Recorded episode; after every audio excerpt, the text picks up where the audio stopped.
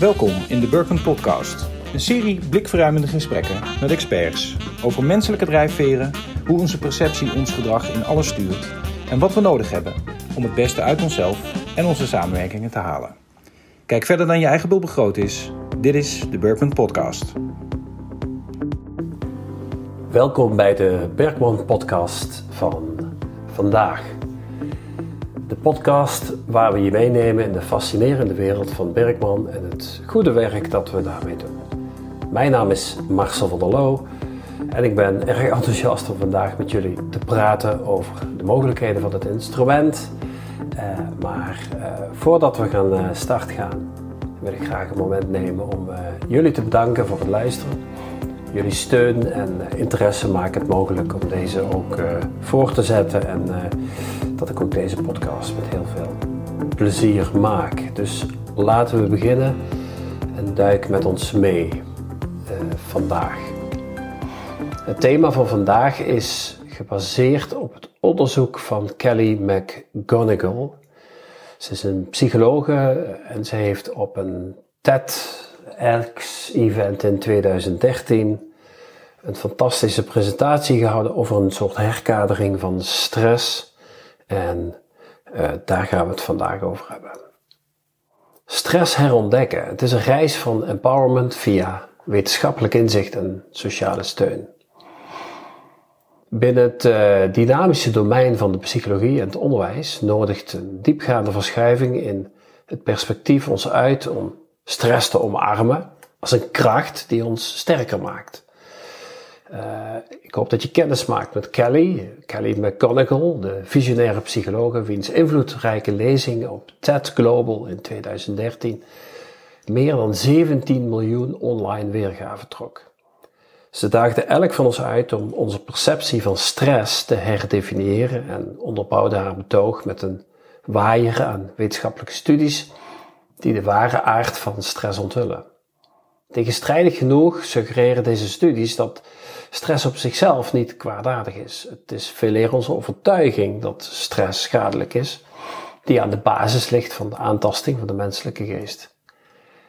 Deze negatieve mindset ten opzichte van stress heeft indien ongecontroleerd het potentieel om ons mentale, emotionele en fysieke welzijn aan te passen. In haar boeiende betoog nodigde McGonagall haar luisteraars uit om na te denken over de gevolgen van een verandering in ons cognitieve kader omtrent stress. Want wat als we natuurlijke stressreactie niet langer beschouwen als schadelijk voor onze gezondheid? Wat als we deze reacties zien als waardevolle hulpmiddelen? Zouden we dan onze hartslag kunnen herkaderen als voorbereiding op de actie? Zou onze versnelde ademhaling gezien kunnen worden als een mechanisme om meer zuurstof naar onze hersenen te sturen? McGonagall haalde een studie aan van de Harvard Universiteit waaruit bleek dat deelnemers die leerden om de stressrespons als nuttig voor hun prestaties te zien, minder gestrest waren, minder angstig en zelfverzekerder. Bovendien ondergingen hun fysieke uh, stressrespons ook een verandering. Ze namen veel meer controle over de emoties en de denkprocessen op een manier die resulteerde in gunstige fysieke reacties. Met andere woorden, ze transformeerden hun fysieke reacties, die normaal geassocieerd worden met gezondheidsrisico's zoals verhoogde hartslag, vernauwde bloedvaten, naar een veel gezondere uitkomst. Hun harten bleven bonzen, maar hun bloedvaten bleven ontspannen. Misschien denk je wel, dit klinkt wel erg mooi om waar te zijn en vraag je af of dit überhaupt mogelijk is. Dit alles draait om het stofje oxytocine. Het hormoon dat vrijkomt wanneer we knuffelen bijvoorbeeld. Hetzelfde hormoon dat ons een goed gevoel geeft wanneer we affectie, genegenheid tonen en ontvangen. Het fungeert als een neurotransmitter in de hersenen en speelt een cruciale rol in menselijke ervaringen, zoals bijvoorbeeld sociale interactie, eh, binding, empathie en het aangaan van relaties. McGonagall legt uit dat dit hormoon eigenlijk ook een reactie op stress is. Het beschermt ons hart tegen de schadelijke effecten van stress, onderdrukt ontsteking in ons lichaam en zorgt ervoor dat onze bloedvaten ontspannen blijven tijdens stressvolle momenten. Ze benadrukt dat oxytocine hartcellen helpt regenereren en herstellen van schade veroorzaakt door stress. Bovendien worden al deze fysieke voordelen van datzelfde oxytocine versterkt door sociaal contact en sociale steun. De link tussen die sociale contacten en ondersteuning is precies de reden waarom ik nu eens uh, zo benieuwd ben naar die TED-talk van McGonagall. En iemand zei tegen mij, die moet je gaan kijken. En degene die dat zei was niet de minste, dat was Sharon Bergman, de oud-CEO van Bergman International. Haar invloed is uh, altijd heel duidelijk voelbaar uh, in de organisatie en in de momenten dat je haar ontmoet. Want als er iemand heel hartelijk en warm en, en, altijd maar aanwezig is en de krachtige bron van ja, vriendelijkheid en vrijgeving, dat is het wel, Sharon. Um, kijk, de oprichter van de Berkman-methode, Roger, uh, was een, een oorlogsheld uit de Tweede Wereldoorlog, die zijn leven na de oorlog wijde aan de organisatiepsychologie en aan de Berkman-methode. Deze baanbrekende evaluatie, zelf, in, zelf uh, biedt wereldwijd empowerment en de impact ervan is ja, overweldigend en vaak ook heel inspirerend voor veel mensen. De Berkman-methode heeft aanzienlijke invloed gehad in een, veel diverse sectoren, waaronder bijvoorbeeld ruimtevaart, uh, technologische giganten. En een van de cruciale manieren waarop Berkman dat heeft bewerkstelligd is door verborgen geheimen binnenin ons bloot te leggen.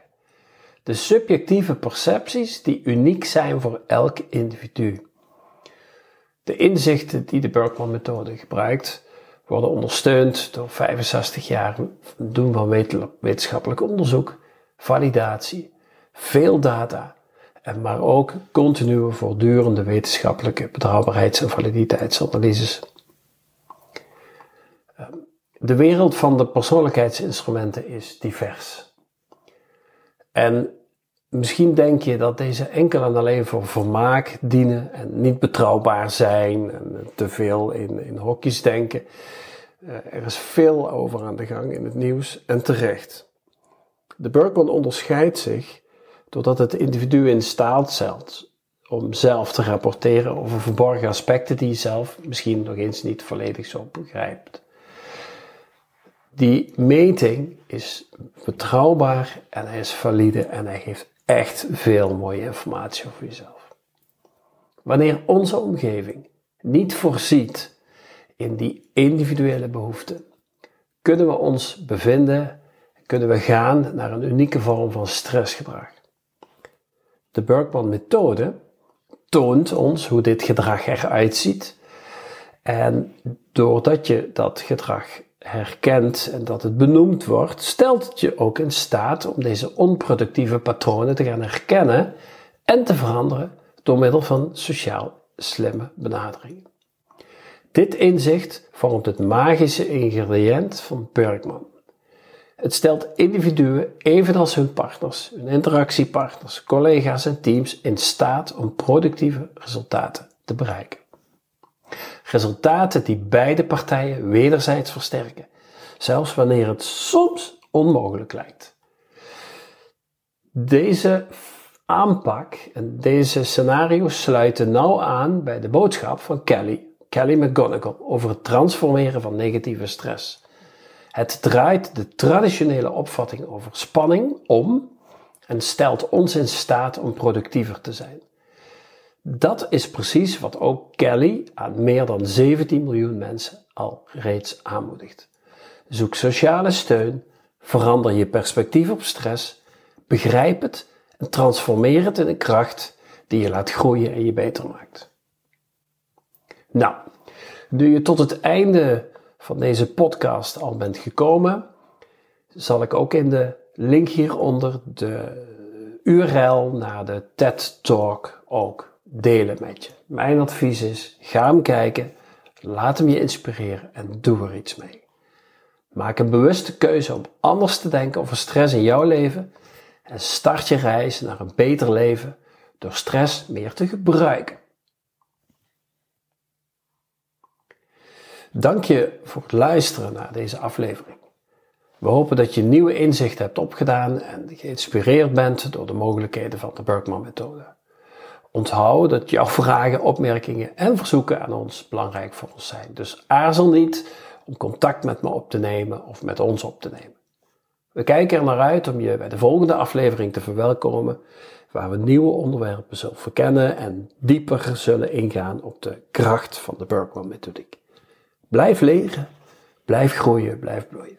Tot ziens en tot de volgende keer bij de Berkman Podcast. Bedankt voor het luisteren. Meer informatie? Kijk op www.burkman.nl en abonneer je natuurlijk meteen even op deze podcast. Tot ziens!